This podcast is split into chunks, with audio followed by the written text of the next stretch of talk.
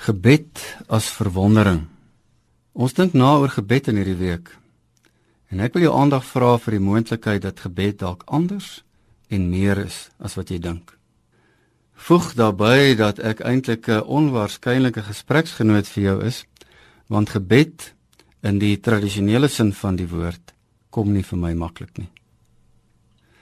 In baie van die psalms is iemand aan die woord wat 'n verwondering oor die lewe of oor God uitspreek. Neem maar byvoorbeeld Psalm 8. As ek die hemel aanskou, die werk van u vingers, die maan en die sterre waaraan u 'n plek gegee het, wat is die mens dan dat u aan hom dink? Die mensekind dat u na hom omsien.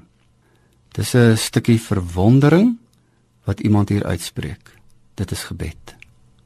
Onthou jy die ervaring van die geboorte van jou kind?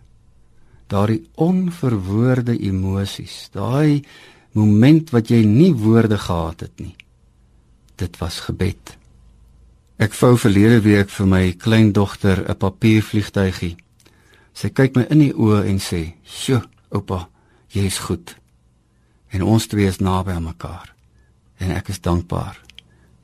Verwondering oor 'n verhouding met jou kleinkind.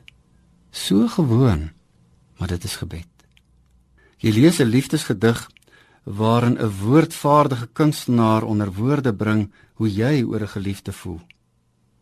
En jy is in verwondering oor die skoonheid daarvan. Dit is gebed. Jy ry werk toe en is dankbaar vir die voorreg om werk te hê. Jou oë is waarwyd oop want jy bestuur.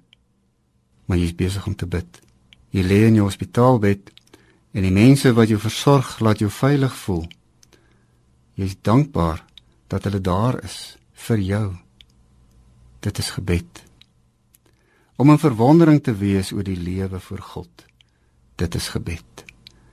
Verstaan jy waarom ek sê gebed is meer en dalk anders as wat jy dink?